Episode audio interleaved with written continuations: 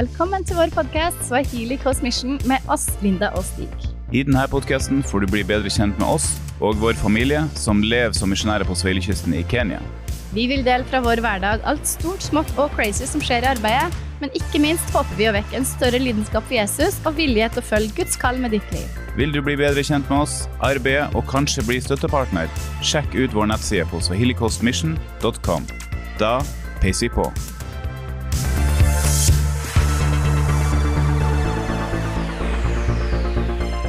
Velkommen tilbake til Svelgås Mission podcast med Linda og meg sjøl. Godt nyttår, Linda. Godt nyttår, Stig Ove. Nå er det jo kjempelenge siden vi har hatt podkast. Ja. Hvorfor tror- har du vært så fraværende i det siste? Er Nei, det var din skyld. Var du som fikk covid først. Ok, det, det var det faktisk ikke. Hæ? Ok, men med det, så var det du. Jeg først var det en av ungene. Og så var det du. Så var du sengeliggende en uke. Ja, Og så var det meg. Ja Og så var jeg sengeliggende ei uke. Og så var det plutselig jul. Og da var det plutselig gått en måned. Ja. Og så er vi her i dag. Ja. Så sånn var det. Men eh, det er godt å være tilbake. Håper at vi får sagt noe vettugt i dag. Eh, nå er det jo et nytt år. Hvordan føles det ut? Det føles eh, samme som forrige år, men eh, ja. OK. Ja. Men eh, hvordan, eh, hvis nå er det jo første podkast på det nye året, kanskje Hvordan syns du at 2023 gikk da, Linda? Åh, det er et stort spørsmål. Um, jeg føler egentlig at det har gått så i ett, både jula og etterpå, at jeg har liksom ikke fått tid til å analysert eller tenkt over eller landa helt på hva jeg syns at 2023 var. Jeg hadde jo mål å både, både lage nyhetsbrev og sånn her nyttårshilsen og hele pakka. Fikk ikke gjort noen ting. Men eh, hvis jeg bare tenker litt på hvordan 2023 var, så syns jeg vel at 2023 var prega av mye vekst. Eh, spesielt på det relasjonelle, med mye av folkene hans jobber med, på godt og vondt. Eh, og um, det var et år Snakket du om meg nå? Nei, jeg snakker ikke om det. Nei, til Eller, ja. Ok, jeg fortsetter, unnskyld. Jeg skal bare prøve å å har Det være vært artig. vekst i Det går jo alltid framover der òg, men det er kanskje ikke tema for denne podkasten. OK, let's go on. Ja. Men eh, ja, det har vært et år av mye vekst, av mye på en måte spissa fokus på disippelgjøring, syns jeg. Mm. Um, og så har jeg jo begynt med mye mer målretta mentorsamtaler, både jeg og du, med forskjellige av ungdommene våre. Mm. I tillegg til at vi også hadde et veldig stort fokus på bibelgruppa og på menigheten.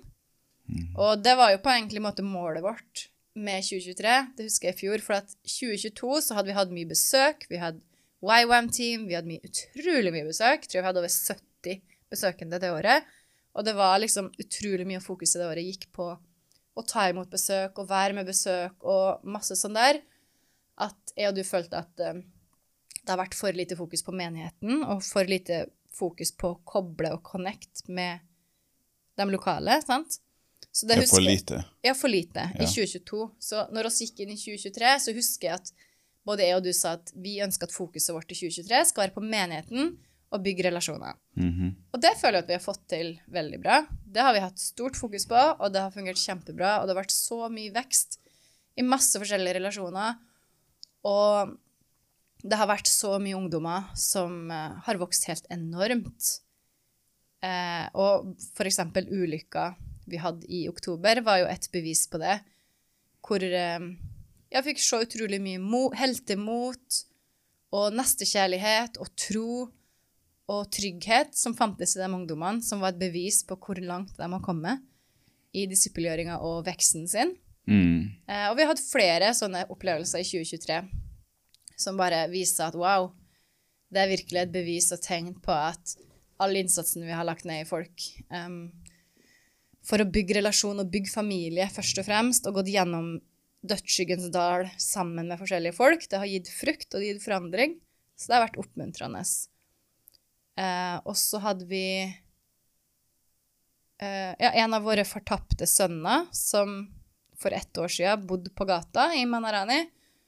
Han hadde bodd hos oss i to år, og så var det en, et tilfelle hvor han falt tilbake i narkotika og ikke hadde lyst til å rydde opp i rotet sitt, så han stakk av og bodde på gata i ni måneder og ja, hadde det skikkelig fælt. Og det, det var skikkelig tungt for meg. Jeg tok det veldig tungt. Så store deler av året 2023 så gikk jeg egentlig med en klump i magen og knust hjerte over vår åndelige sønn som bodde på gata og regelmessig sendte meg melding og spurte om penger, for han led så mye, han sov på stranda, hadde ikke mat. Han trygla meg om hjelp, og da på en måte Ja, man satt grenser, og det var, det var skikkelig tungt. Men Mm. eh, takk Jesus, i september så fikk han endelig nok av seg sjøl, ydmyka seg, og kom hjem igjen. Og nå går det bare helt vanvittig bra med han, som er bare et mirakel. Det er bare Gud. Men vi har brukt masse, masse tid de her siste månedene fra september til nå med han på rådgivning, mentorsamtaler, indre helbredelse, snakk med han, hjelpe han å bygge opp igjen livet sitt og alt det han har ødelagt eh, mens han var på gata de månedene. Så det har kosta masse krefter og tid, men, men det er så verdt det. For å se det at en av dine fortapte eh, sønner kommer tilbake, og at han nå er sterkere og sunnere og gjør det bedre enn noen gang, det er en vanvittig glede. Så det Ja. tror jeg var et av høydepunktene mine for 2023. Men du fikk han tilbake, og så fikk du en ny fortapt sønn. Og En som tok hans plass, da. Ja, det var en Du har egentlig alltid en fortapt sønn. Minst. Jeg har flere. Jeg har mange. Men ja, av dem som er helt, helt nær hjertet mitt. Ja. Så ja, det var jo en som tok over. Eller han, han nummer to ble jo fortapt før nummer én kom, til, kom hjem igjen. Så det var ganske heftig. Det var mye smerte. Eh, men ja, vi har hatt en som eh, har vært skikkelig fortapt. Uh, og det har vist seg han har jo stjålet masse herifra. Han har løyet meg rett i fjeset i flere år, egentlig. Tre år. Mm. Og drevet og røyka narkotika og sigaretter og alt mulig sånn her, samtidig som han har bodd på basen vår og snekes ut om natta. og Han har vært en skikkelig luring. Men så Mammahjertet, da, vet du, som aldri slutter å kjempe for barna sine. Jeg har liksom tilgitt han og gitt han en ny sjanse million ganger. Skikkelig, skikkelig kjempa for han. Um, men, men det har vært mye tårer, og det har vært tøft, og han har vært skikkelig ute på kjøret. Og det har bare vært et sånn mørke over han som bare har vært helt enormt. Men, uh, men ja, nå er det han andre fortapte sønn. Ja, han nummer Ja, to, da. han som som tok over. Ja. Men han er jo akkurat kommet tilbake da, til Ja. sin fars hus. Han har akkurat Til kommet sin tilbake til, til sine foreldres hus, Mm. som har vært helt nydelig. Så jeg, jeg kjenner at eh, håpet er skjørt, og hjertet er litt sånn uh, Ja. Ja, litt sånn skjørt, men oss håper og ber til Gud om at det skal gå bra. Så nå prøver vi å vandre sammen med han steg for steg, og det tar jo masse tid hver eneste dag. Plutselig blir tilkalt midt på natta og må fære der og be for han, fordi han ligger der med abstinenser og har det fælt. Um, Mm. Og det går mye tid i rådgivning og mentorsamtaler, støtte, hjelp Det ting. Det var to dager ting. siden vi var besøkte dem på kvelden. da. Ja, Var akkurat kommet Ja, han nylig omvendt seg fra narkotika, stjeling og lygging og, og alt, nesten alt som man kan omvende seg fra. Og så hjemme igjen, da. Og så plutselig så fikk vi melding eller telefon på kvelden at vi måtte komme dit. Mm. Hva han sa for noe? Nei, det var at han lå på bakken og bare rulla og skrek. Han hadde så vondt. Han lå og skrek og hadde så vondt. Ja. Og det her er jo ikke en liten gutt, han er 18 år, Ja, han er 18 år. så det er kanskje litt uvanlig at noen oppfører seg Men det sånn. som var interessant, var at den dagen så hadde han For han hadde egentlig omvendt seg fra røyking og narkotika og sånne ting, og har lyst oppriktig å forandre livet sitt, men så kjente han på eh, abstinenser, det det heter på norsk. Ja, sikkert. Men så fall så hadde han hatt et lite tilbakefall, da, hvor han hadde fått til å låne penger av noen og gå og kjøpe seg en sigarett. Og så hadde han tatt med den hjem på kvelden og hadde planlagt å gå bak huset og røyke den på kvelden. Og idet han gikk ut av huset, gikk ut av huset da, og gjemte seg i mørket, på en måte, så sendte søstera melding til meg og sa at eh, nå har han gått ut av huset, og så vet jeg ikke hvor han er. Og da blir jo jeg med en gang sånn her ah, Tenker det verste. Var på tur og sendte et par av guttene mine her opp i communityen til den lokale eh, narkoplassen for å lete etter han. Eh, men jeg sa liksom ja, let etter han og alt mulig. Og så bare begynte jeg å be for han med en gang. Mm. Og ettertid så, så viste det seg det at han hadde gått bak huset for å prøve å røyke. Og når han satt der og skulle til å gjøre det, skulle til å ta denne sigaretten ut av lomma, som da var i samme øyeblikk som jeg var i forbønn for ham, så ble han så svimmel og så dårlig at han bare måtte legge seg rett ned på bakken. Eh, og så reiste han seg opp, og så hadde han ikke lyst på den sigaretten lenger. Men han prøvde Jeg tror han prøvde igjen, men han ble så svimmel og dårlig. Så han gikk inn i huset i stedet. Han ble Og- slått med sånn akutt svimmelhet. Ja, han ble slått med en Rett før sånn så han ikke svimmelhet. makta å sette røyken i munnen engang. Ja. Så ga han bare opp det, så gikk han inn igjen i huset. Så var han så svimmel og dårlig og sa til mora jeg føler meg ikke bra. Og da var det nesten som at han ble straffa av ja, av at eh, åndsmakta eller hva, for at han ikke hadde røyka den sigaretten. Så han fikk en sånn akutt smerte i lungene sine, som om det var noen som bare satt klørne inn i lungene hans. Og det var så smertefullt, han klarte ikke å snakke, han la seg bare ned på gulvet og rulla og skrek som en liten baby, og hadde så vondt. Så det var da de tilkalte oss, da. Det var da som kom dit, for de visste ikke hva de skulle gjøre med han. Mm. Og så ba vi for han. Og Ja. Vi for dit, og så gjorde vi befrielse på han, for han hadde demoner. Mm. Han, hadde, han lå på bakken og gråt for han hadde så vondt i lungene sine. Og så sa vi at uh, fordi at avhengigheten hans er ikke bare naturlig på nik nikotin, den er også demonisk. Det er nesten som demoner som ligger og craver og straffer han for at han ikke tar den røyken, da. Og, så vi gjorde enkel befrielsestjeneste, og hva det var, han hosta og rapa litt forskjellig, og, men han ble helt fri. Alt av smerte, alt forsvant. Og han følte fred fred. første gang etterpå. Og det skjedde at eh, mens vi gjorde befrielsestjeneste, at du så en ring som var på fingrene fingeren hans, en sånn svær ring med ei perle, da. Så vi tok av den ringen. Mm. Så først var den vanskelig å få av, men så tok vi av den ringen, og øyeblikket vi tok av den ringen, så det er nesten som at han eh, nådde et nytt nivå i ektehet, eller å være seg sjøl. Nesten som en opp. spill som ble brutt når vi Ja. tok av den ringen. At da begynte han å, å bekjenne eh, altså, så synd. Da. Så da to, det var samme sekund han tok av ringen, så gikk han, han ned i lomma og tok ut røyken og viste røyken. Så her er den. Og, så han ble en annen gutt omtrent når vi Ja. tok av den ringen. Så vi tok den ringen, jeg så på den ringen. Det var ikke noe fin, da, men en sånn svær perle frampå ringen, da. Med de her eh, Rastafari Jamaica junkie-fargene i den perla, og så sto det Black Lives Matter. Som høres fint ut, men som ut ifra det inntrykket jeg har, er en sånn her narsissistisk terrororganisasjon som eh, hovedsakelig opererer da i USA. da. Så langt jeg har skjønt gjennom eh, media. da.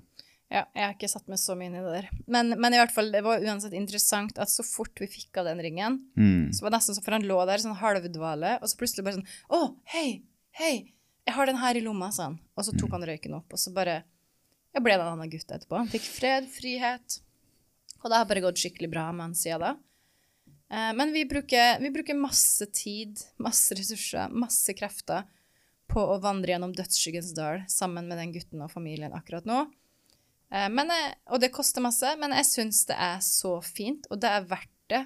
Og jeg kjenner på en sånn tilfredsstillelse, og kjenner på at åh, det her er tilbedelse til Gud. Altså den kvelden når oss for opp dit, på kvelden, så lå jo jeg i senga og holdt på å sove, og det var bare ingenting i meg som egentlig hadde lyst til å dra dit, og jeg visste at du hadde ikke lyst, men så kjente jeg bare på at ja, selv om jeg egentlig ikke har lyst, men så skal vi gjøre det likevel. Og det her, det har jeg utrolig glede i å gjøre, fordi vi gjør det som tilbedelse til vår far. Eh, og det gjorde vi, og det var kjempefint, og det var suksess. Og um, jeg tenker ofte på det her verset i Jakobs brev, hvor det står at en ren og usmittet tjeneste for Gud vår far er dette, å se til enker og fareløse i sin nød og holde seg usmittet av verden. Og det er jo det vi prøver å gjøre. Mm. Eh, Så derfor jeg har så utrolig mye glede og tilfredsstillelse i å vandre gjennom tunge tider sammen med de her menneskene, og, og se hvordan den kjærligheten eh, og trofastheten oss viser dem, som Ja. bare er fra Gud, hvordan det bringer forandring, da. Så selv om det har vært mye sånn relasjonelle utfordringer i 2023, så har det òg vært utrolig mye vekst, og det har vært ja, det har vært mye vekst, og det har vært mye gjennombrudd, og det har vært Det vært siste så vi mye forklarte nå, var jo i 2024. Eller Ja, det var jo nå siste uka. Men, eh, men også familien hans var jo så redd han da etter det kvelden. eller De syntes det var så sprøtt måten han oppførte seg og manifesterte på, at de uh, syntes det var vanskelig omtrent å ha sin egen sønn i hus. At uh, de var redd han. At de ville helst han skulle ga han tilbud om å komme hjem til oss og så bo der et par uker. Uh, for å bare lande befrielsen helt. Altså etablere den godt til Jesus før han kommer tilbake. da. Men han følte seg fri og trygg på at han kunne være hjemme og være en sånn Så han har blitt hjemme da siden da. da. Ja, Men han er jo her på dagtid, da. Ja, han er mye her, Kommer da. på morgenbønnemøte om morgenen, og så henger han her hele dagen frem til kveldstid. da. Så det Så- går veldig bra med han. han du ser i går var han med barakka og ridde på hesten. Mm. Han smilte fra øre til øre. Ja. Og så lenge han er engasjert og med i et godt miljø som Barakka og de andre guttene som er her, også, mm. så, så går det jo super, ja, og I dag tidlig ga han vitnesbyrd på bønnemøtet Ja, om at han var så utrolig takknemlig for hva Gud hadde tatt han ut ifra. Og han eh, sa at 2023 har vært et utrolig dårlig år for han. Han har vært en, en dårlig menneske på alle områder. Han har gjort alt mulig du kan tenke deg, og vært et dårlig menneske fra A til Å. Og han har Og at han er vært så takknemlig for at hva Gud har tatt han ut ifra, og at han har starta 2024 på en ny måte, og at han føler han har fått et nytt liv. Og han er så takknemlig for Han har virkelig vært eh, langt nede, da. Spesielt siden du tok han i fengsel. Ja. ja Linda? Det, det har han. Hva det Ja, du gjør? nei, men, um, men det er jo Ja, inn, tar oss litt inn på et annet emne, men, men det er sant. Jeg, vart, jeg, det var, jeg tok han faktisk i fengsel. Det eh, I glattcella. Jeg syns det var så kult. Og, og tøft grunnen til at jeg at gjorde det, det, var fordi at han nådde et nytt bunnpunkt, hvor ikke bare at han har drevet og stjålet småpenger fra mora og fra oss, og det har vært anklager om at han har stjålet sko fra oss og forskjellige ting her over lang tid, men jeg har aldri hatt noe bevis.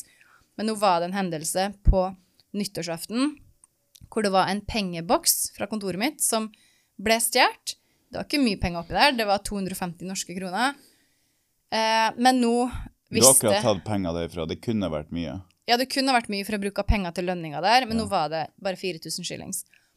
Men han stakk av fra nyttårsfesten vår. Han har kommet hit under falskt grunnlag og sagt at han hadde lyst til å forandre seg, nå var han klar for å forandre seg og alt mulig sånn. Hadde lyst til å åpne det nye året i bønn. Men i stedet så rundlurte han oss og for opp på kontoret mitt, klarte å snike seg inn, for han visste hvor pengeboksen min var. Og så stjal han dem, hoppa over gjerdet og stakk av. Um, som da på en måte var bare et nytt bunnpunkt. Eh, og da var grensa nådd for min del. Men fordi jeg er mor, og jeg har nåde med han, og elsker han så utrolig, utrolig høyt Dette er en gutt vi har kjent i sju og et halvt år, helt fra vår begynnelse. Så vi kjente han siden han var elleve år, og jeg har så stort hjerte for han. Så dagen etter så dro jeg og oppsøkte han der han var, og jeg ga han en sjanse. Og jeg sa, jeg vet at du stjal pengeboksen min i går. Og han nekta på det. Han blånekta. Sa jeg har aldri stjålet fra deg. Jeg, kan, jeg har aldri stjålet fra deg. Og så sa jeg bare at ja, men du var den siste som ble sett utafor kontoret mitt. Skoen du hadde på deg, den ble funnet ved gjerdet. Én sto igjen på innsida, så det er tydelig at du hoppa ved gjerdet. Og du stakk tyv. av. Ja, men han blånekta på det. Blånekta Mm. at det var han. Og så sa jeg OK, men hvis du sier at det ikke er du, så betyr det at det er noen andre. Så da gir du meg ingen annen valg, da må jeg gå til politiet. For hvis du sier at det ikke er du, så må jeg få politiet til å hjelpe meg å finne ut hvem er tyven. Og hvis jeg drar til politiet og anmelder denne saken, så er det ingen som blir å tro på at det ikke er du, når jeg forteller dem bevisene på at du var den siste som ble sett der, og alle de her tingene. Og så han bare, ja, greit, bare dra til politiet, jeg vet at det var ikke jeg som stjal. Så sa jeg, ja, men hallo, er du sikker på det? Jeg har ikke lyst til å gå til politiet. Kan ikke du bare innrømme det du har gjort?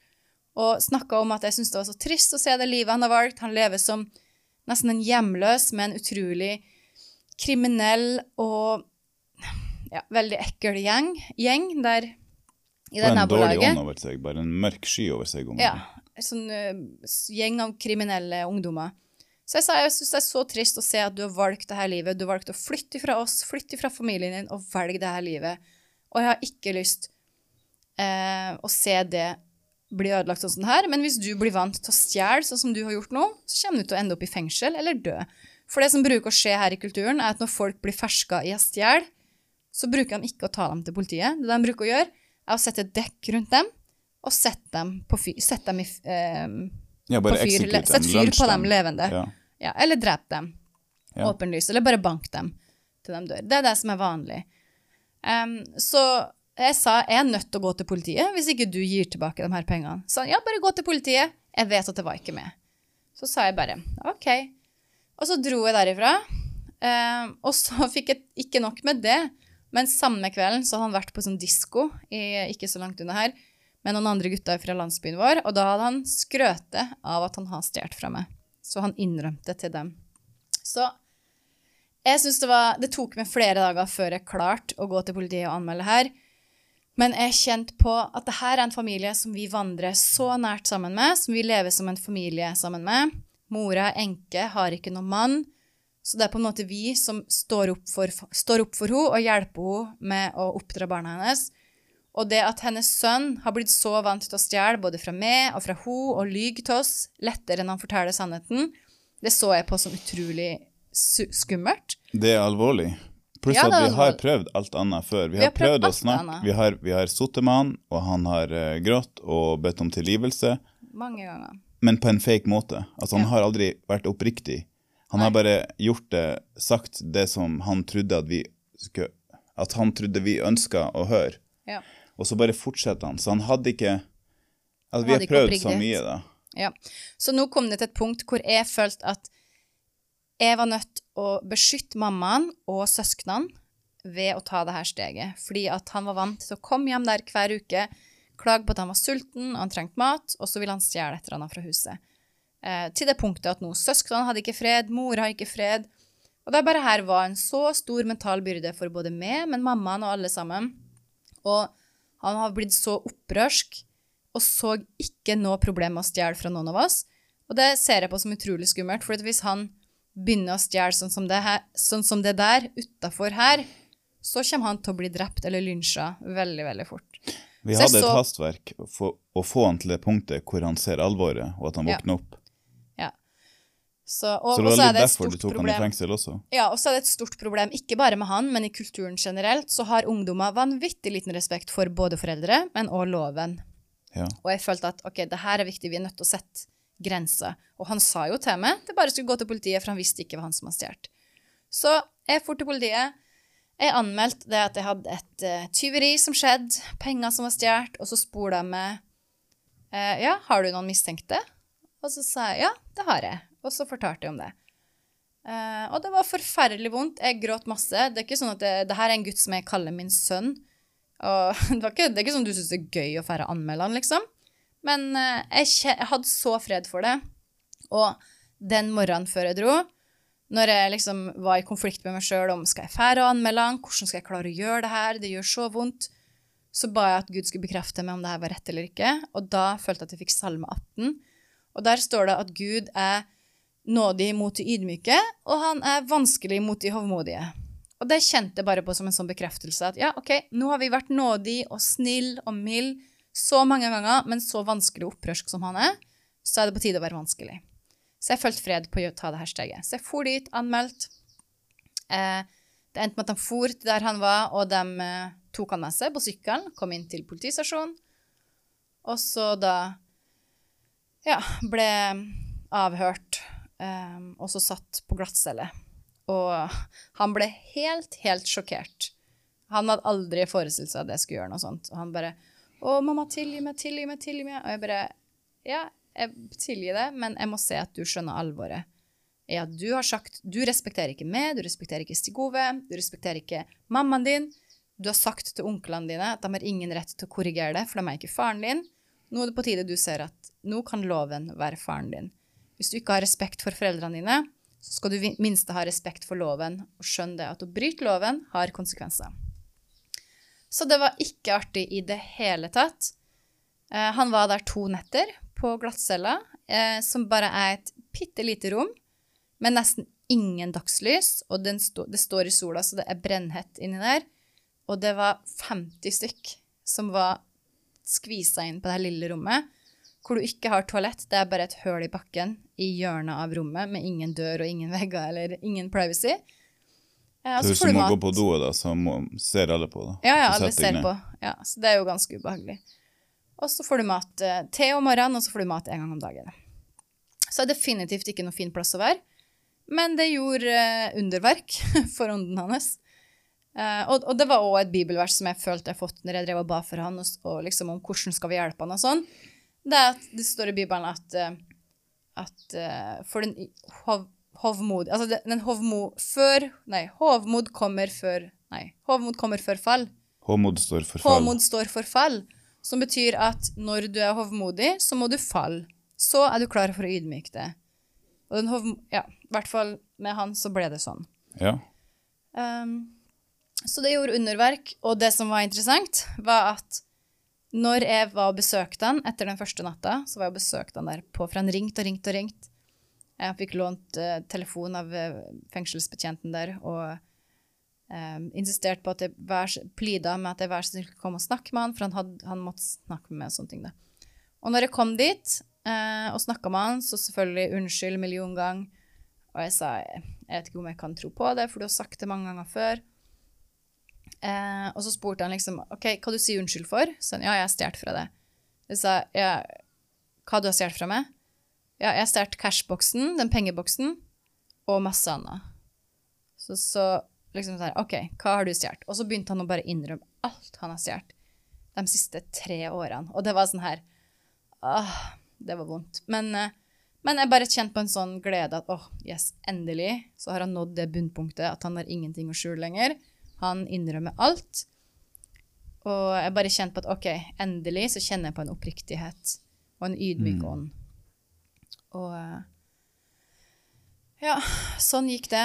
Jeg klarte å få han ut. eh, Rettssystemet i Kenya og er også litt sånn Du går automatisk til retten, og så er det liksom en ganske omstendelig prosess. Men òg det som var bra, og som var en av grunnene til at jeg hadde lyst til å ta han, ta og anmelde han, var at da er jeg eier av saken, er ansvarlig for saken, som betyr at jeg er den som bestemmer om jeg vil gå videre med saken eller ikke. Eh, Så derfor så klarte jeg å få han ut igjen av, av fengsel, av arresten.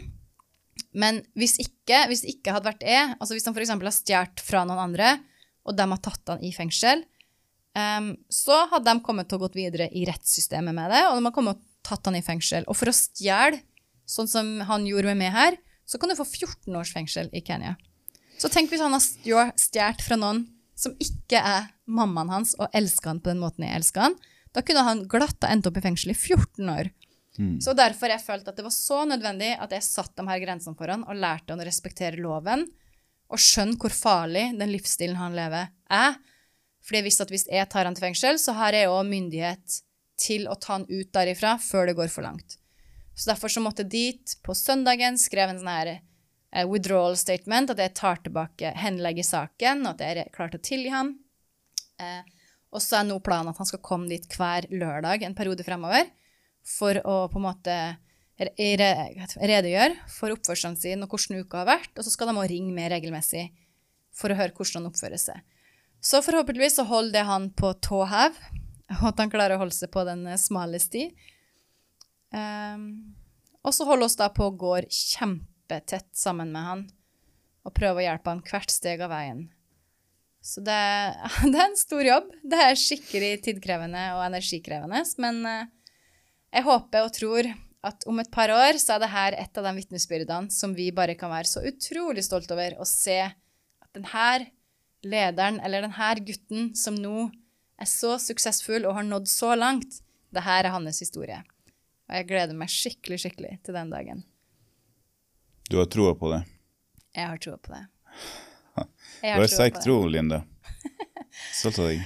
Ja, jeg har sterk tro på guttene mine. Eh, mer enn jeg har troa på seg sjøl mange ganger. Men, eh, men eh, jeg syns det er Åh, ja, jeg syns det er så fint. Og jeg føler det er det her som er kallet mitt. Altså, å få være mamma og stå i bresjen og stå i gapet for de her guttene som ingen andre tror på, som ikke engang tror på seg sjøl, og som har så dårlig utgangspunkt i livet. Altså den her stakkars gutten. Det er ikke sånn fordi han er en forferdelig menneske at han begynte på det. Altså, han var jo, vi har jo kjent han siden han var 11. Han var jo Ja. bare verdens skjønneste lille gutt. Men han begynte å gå på denne stien fordi at faren, som òg var en narkomisbruker og dealer, han, når, etter at han døde, så for tre år siden, så var det kort tid etter at han her gutten, som da var 15 år, begynte å røyke narkotika, cannabis, Eh, fordi han kjente på stor smerte og sånne ting. Og, Han begynte å gå på sine fars veier. ja, han begynte å gå i sin Blir fars mer og mer lik sin far. Ja, så og liksom, Han er vokst opp med det der, og det har vært utrolig mye omstendigheter som har vært uheldig, uheldig og vanskelig for ham. Og bare, altså Hele kulturen i seg sjøl er jo så ødelagt og herja, og de aller, aller fleste av guttene vi jobber med, har jo gått gjennom utrolig mye traumer og omsorgssvikt og vanskelige ting i sin barndom. Så jeg forstår at de har ikke et godt utgangspunkt for å eh, eh, suksess Eller for å Hva heter det for noe på norsk? Ja, for å få suksess i livet, da.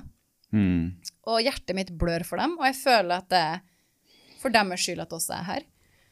Så jeg har så, selv om det koster meg alt, og hjertet mitt er knust regelmessig, om ikke bestandig, så føler jeg at det er så verdt det, og Gud fyller meg med ny kjærlighet og ny nåde og ny styrke for, her, for å hjelpe de her guttene. Eh, Ikke bare guttene, det er flere andre òg, men hovedsakelig hjertet mitt brenner for at de her guttene um, skal få komme seg på føttene igjen og bli kjent med Jesus, og de skal få, få lov å kjenne på en morskjærlighet som de aldri har opplevd før. Og det, ja, det er fantastisk. Jeg elsker det, selv om det koster masse. Mm. Så er det så utrolig artig å se når du ser at det går bra med folk, og det gjør det jo med utrolig mange av guttene våre, så, som er utrolig, utrolig artig. Ja, ja, det er det. Vi hadde mange ungdommer som har hatt stor framgang og vekst i det forrige året. Så det er veldig oppmuntrende å se. Så det, det blir spennende med framtida. ja. ja, men ja. sånn I hvert fall når man har så mye tro som du har, Linda. Så er det skikkelig spennende. Jo, men også sånn for eksempel altså, Vi har jo mange unger som vi nå begynner å se komme inn i ungdommer. Og så har vi mye ungdommer som begynner å gå inn i voksentid. Eller voksen, bli voksne.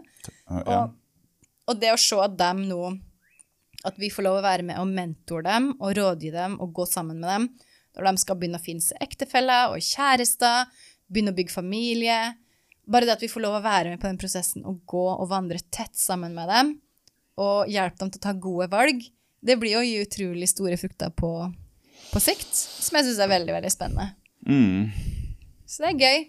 Det er veldig, veldig gøy. Jeg er så takknemlig for at vi får lov å leve dette livet. Jeg lurer på hvem vi kommer til å vi først. Hvem tror du det er? Jeg vet ikke om jeg kan si det høyt, men Eller nei, det er ikke sikkert. Altså, vi har jo et sånn kjærestepar in the making, men det er jo ikke sikkert at det blir dem, for de skal jo fortsatt gå på skole og litt sånne ting. Så det kan jo være at det blir noen andre. Kanskje Brakka plutselig finner seg, eller Syria. Syria er ferdig på skole det her året. Så nei, jeg vet ikke. Hvem du tror? Doro, kanskje? Nei. Slutt. Nei, tisser. er så. Nei, ikke Linda vil ikke at en Doro skal gi seg. Vil du at han aldri Nei, vi trenger ikke å snakke om det. Vi Men det å er gå sånn inn på det nå. sårt punkt for deg, Linda. Ja. ja. Doro er min sønn. Jeg er ikke klar for at han skal gifte seg. Basta bom. Han skal bo eh, på rommet sitt i huset vårt hele livet. Nei, det har jeg ikke sagt. Men eh, mamma skal ha ganske stort ord med i laget når den eh, Nei, nå høres det ut som at jeg er sånn her over eh, Ja. Nei, det er ikke helt sant. Men det er litt spesielt med Doro, da. For han har jo bare bodd hos oss i fem år, siden han var 17, og han har gått gjennom utrolig mye traumer og vanskeligheter i livet sitt. Han er at, eh, veldig heldig som har deg, Linda.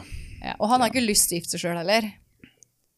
I hvert fall ikke nå. Så føler han at den relasjonen han har med oss og familien sin, er så verdifull og så viktig for han, og han føler ikke at han klarer å multitask og ha fokus på to relasjoner med en gang. Så han har sagt at han, ønsker, han er så takknemlig for den familierelasjonen han har med oss, at han har lyst til å bare investere i den og bygge dyp familie med oss. Og i hvert fall sånn som nå, så har han ingen interesse for kjæresteri. Og det, Det er utrolig det, det visdom, syns da. jeg er veldig fint.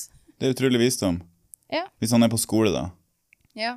og blander ei dame inn i livet sitt, det er komplikasjoner. Ja. Det tar Det kan ta et menneske, en, en, en mann, inn i fattigdom på en dag, om så. Det kan ta en mann inn i stress og bekymring og mye greier, da. Det. Og du, Det er ikke, forresten. det er ikke enkelt. Du, jeg kom på en ting. Og så drev jeg og snakka om 2023 og hvordan 2023 er. Det er en veldig, veldig ting vi har glemt. Eller to! Jeg vil først si at det er enkelt for meg, for at jeg er gift med en sånn fantastisk person. Ja, du, har, jeg, jeg, du har ikke akkurat tatt Nei, jeg har ikke tatt det inn i fattigdom, for å si det sånn. Nei, Jeg du har tatt tatt meg meg inn i Afrika, da. Det, det er heller motsatt. At uh, du har tatt meg inn i rikdom. Jeg har kanskje vært en litt sånn lodd, men for jeg kom inn i ekteskapet med gjeld, Og du kom inn med sparepenger, og Ja. så var det sånn de begynte. Ja, sånn var det vi begynte. Men så har det gått fint. Ja. Vi har klart oss. Men du, Takk, det var, to, det var to høydepunkt jeg hadde lyst til å ta med fra Norge. ja. Uh, den ene Fra- fra var når vi besøkte nei, unnskyld, Norge. Den e nei, det var ikke det engang. Høydepunkt fra 2023 var det vi snakka om. ja, det var Det var to ting jeg hadde lyst til å nevne, og nå røpa jeg meg jo allerede på det første. Det var turen til Norge, Mhm. så jeg skal si litt mer om det. Men den andre, det var diamantbryllupet til mormor og morfar når 15 av mine familiemedlemmer var her i oktober, hvor vi tok første spadetak på kirketomta vår. Kan du holde den tanken litt? Jeg må bare på do. Og da var vi tilbake. Er du klar til okay. å fortsette, Linda? Jeg er klar for Ok. Så det Eller må andre du på do først? Ja, egentlig, men la oss prøve å fortsette. Ok. Det andre høydepunktet mitt, det var når mormor Hva var det første høydepunktet? Norge. Ok, ja. Andre høydepunktet var når mormor og morfar var her med 15 familiemedlemmer i oktober for å feire diamantbryllupet sitt. Ja, Eh, tanta, onkler og søskenbarna mine og mamma og pappa. Og da hadde oss Altså hele besøket syns jeg bare var helt fantastisk. Mm. Det å få lov å vise tanta, onklene mine og søskenbarna mine vårt paradis og vårt hjem, det, det betydde så, så masse for meg. Eh, og jeg har jo ikke vært hjem til jul og sånne høyde, høytider på mange, mange år. Og eksempel søskenbarna mine møter jeg jo nesten aldri, fordi jeg bor i Afrika.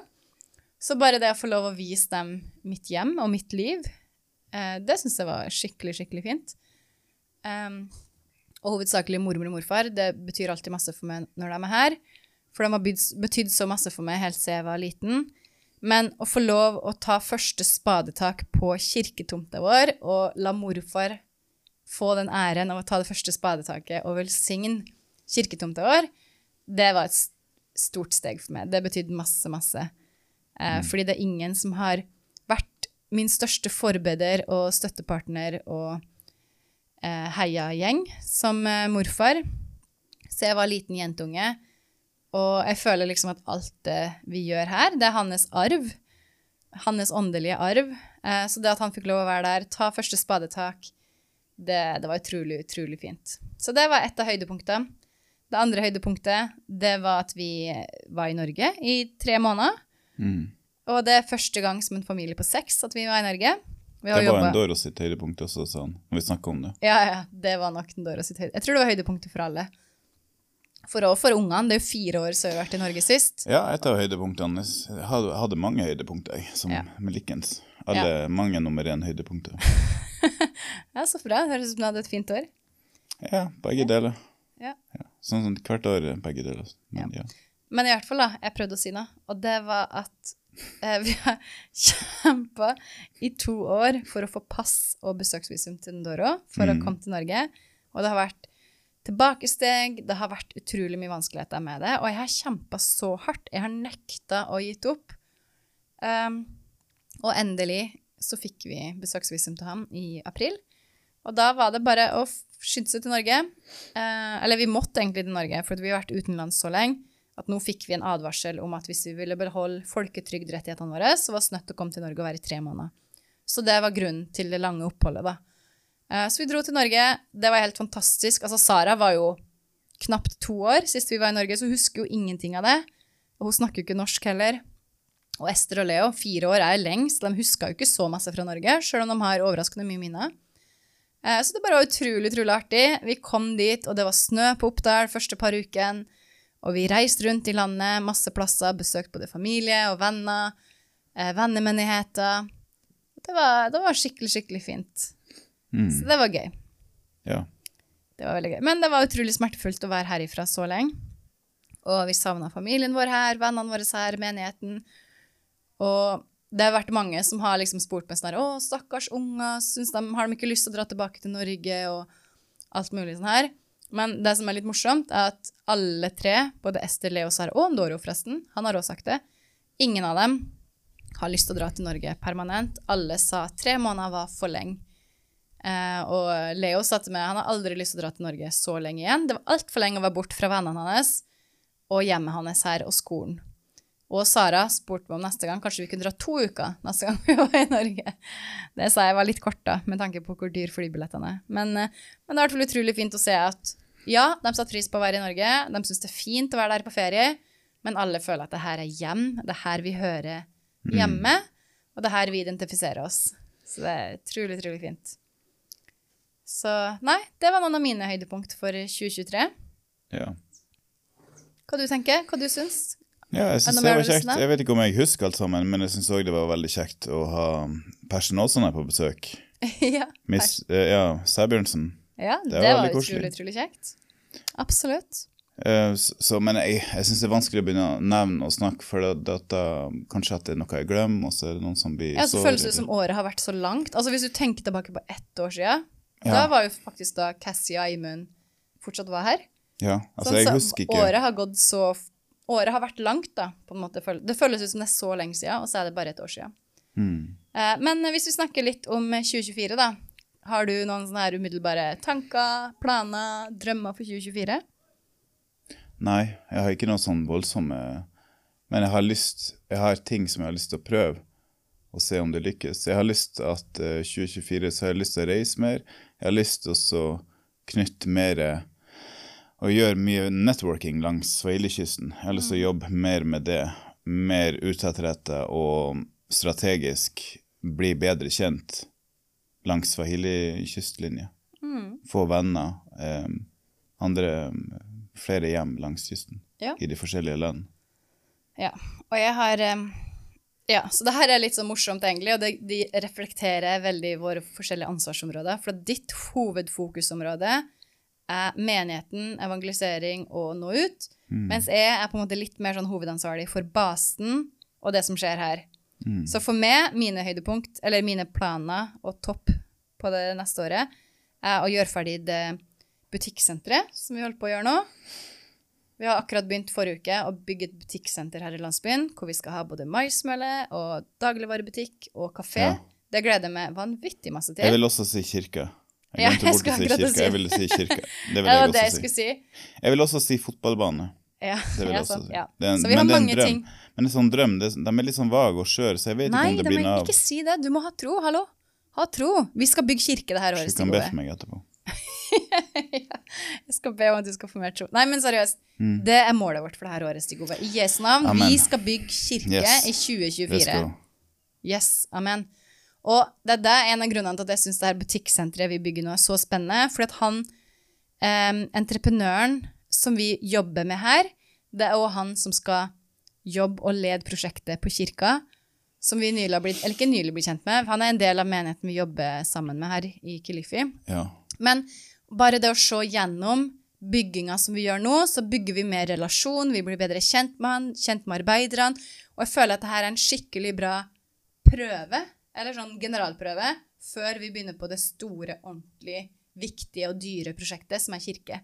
ja. Så det er utrolig spennende. Og han er en kjempeflink contractor, som er flink skikkelig faglig, flink. og en rettferdig mann. En, Ja, en skikkelig godt menneske. Ja, full av integritet.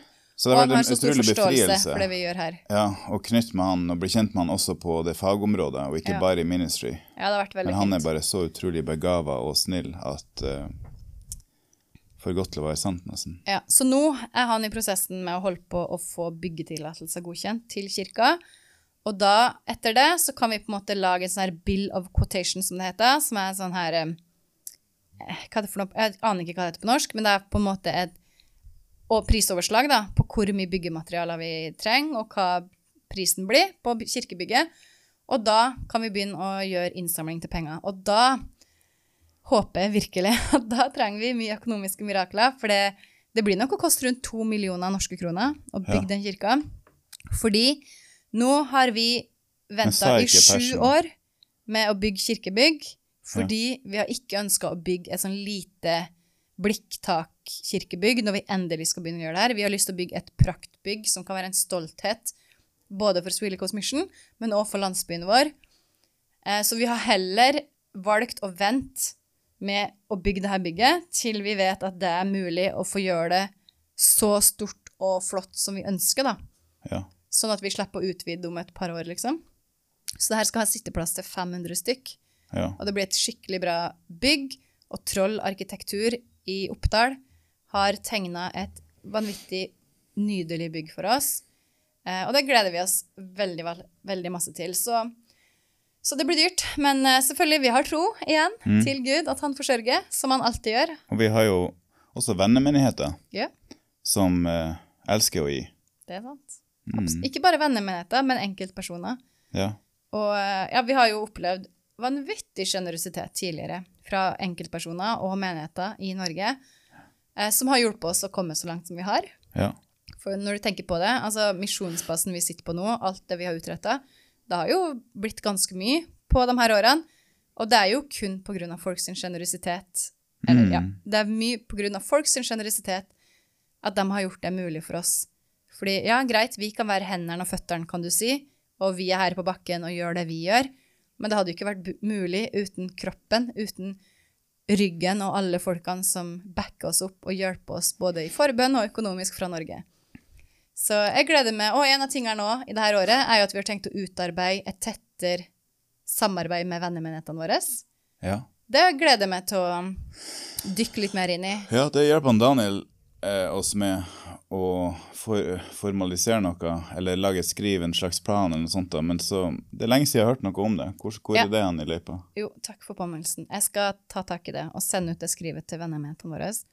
Og så skal vi begynne med litt mer sånn konkret relasjonsbygging og oppfølging med dem. Det tror jeg kan bli veldig spennende. Ja. Så håper vi at både det og fundraising og litt sånne ting gjør at uh, det blir mulig å bygge kirkebygg i 2024. Det hadde vært en drøm. Mm.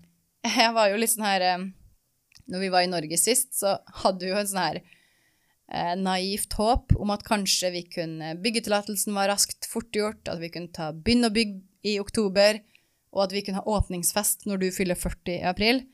Men eh, det, det skjer nå, da. Det var jo ikke helt realistisk. Men eh, kanskje i hvert fall året du fyller 40, kan være året vi begynner. Og så håper vi at før året er over, så er i hvert fall kirka ferdig. Ja. Det er så rart at jeg blir 40 år, fordi at jeg føler meg som om jeg er 20 inn, eh, hele tida. Pluss at når jeg er på skolen til Ester og Leo og er på, med de andre foreldrene, og sånt, og så føler jeg at det, jeg er en ungdom som er der i voksenverden. Jeg ikke passer inn i Du, det føler jeg, og det er kjemperart. Men jeg er faktisk den yngste Jeg lurer på om andre voksne har det sånn. Jeg vet At, at vi alle Det er ingen som føler seg voksen. Ja. Bare, men så tenker alle at de andre føler seg voksne, og så er det bare dem. ja, Men så er vi egentlig alle Jeg vet ikke.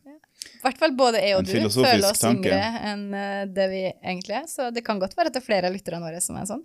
Jeg vet, Hvem var det? Var det mamma eller pappa? Jeg vet i hvert fall at er flere jeg snakker med, som sier at de føler det på samme måte at du blir på en måte ikke eldre, men så er det på barna dine at du ser at oi, jeg blir faktisk eldre. Mm. Men eh, kjære Stig Ove, du blir faktisk 40 det her året. Er du klar for det? Ja. Ja. Jeg vet ikke. Jeg syns det, synes det er litt rart. Jeg synes jeg har levd så lenge. Det føles ut som jeg har levd tre liv allerede. Men, for jeg har minner som går Du sa jo akkurat at det føles ut som du var 20. Ja, men jeg føler det inni meg. Jeg føler ikke at Ja, begge deler er sant. Ok. Men du, kan jeg si det nå? Ja. Jeg har planer om en eh, 40-årsfest for det. Jeg vet at du ikke er så glad i bursdagsfester, da. Du vet Men hva jeg har ønsker meg til planer. bursdag? Hva du ønsker deg? Jeg ønsker bare også at jeg får kanskje ei bursdagsuke hvor jeg eh, får være bare alene. What? Takk. Nei, ikke sånn, men at jeg Nei, jeg tuller. Jeg skjønner. eh, Fri. Ja. Fri ei uke. ja. Det hørtes veldig luksus ut. Det kan jeg ønske meg i bursdagsgave. Jeg hadde sikkert frika ut hvis jeg skulle vært borte ei hel uke, men ja. Men du, jeg skal ha bursdagsfest for det. Kanskje til og med folk fra Norge som har lyst til å komme på besøk. Det har vært gøy. Ja, det hadde vært veldig gøy. Ja, det har vært veldig gøy. Spørs hvem, men ja. Ok. Ja. Nei, Jeg tøyser men bare. Hvis det er noen som hørte på nå, hvis det er noen som hører på denne postkassen, så tøyser jeg bare. alle er hjertelig velkommen. Bare ta kontakt med Alt, meg. alt blir Ja. kjekt. Ja. Nei da, sånn er det. det. Vi gleder oss i hvert fall til dette året. Det blir et fint år.